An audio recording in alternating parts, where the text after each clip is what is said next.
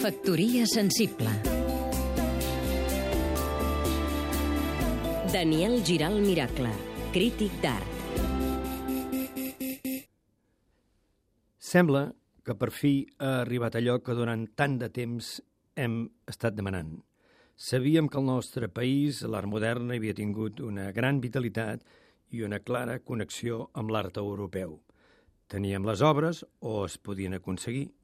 però en lloc explicàvem d'una forma raonada una època tan fèrtil i característica com la que va de l'exposició universal de 1888 fins a mitjans del segle XX. Per això celebrem que, per fi, ho faci el Museu Nacional d'Art de Catalunya,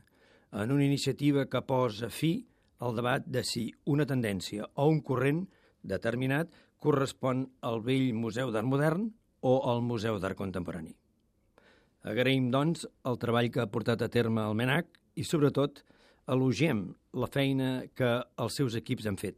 perquè amb un total de 1.350 obres, moltes d'elles mai exposades, ens mostren com va ser l'evolució del nostre art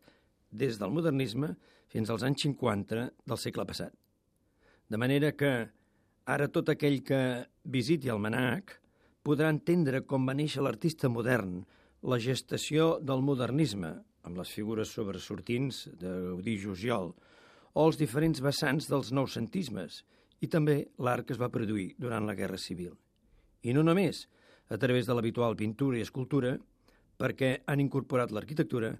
les arts decoratives, el cartellisme, la fotografia, el cinema, és a dir, unes arts que estaven marginades, un resum molt ben fet. Factoria sensible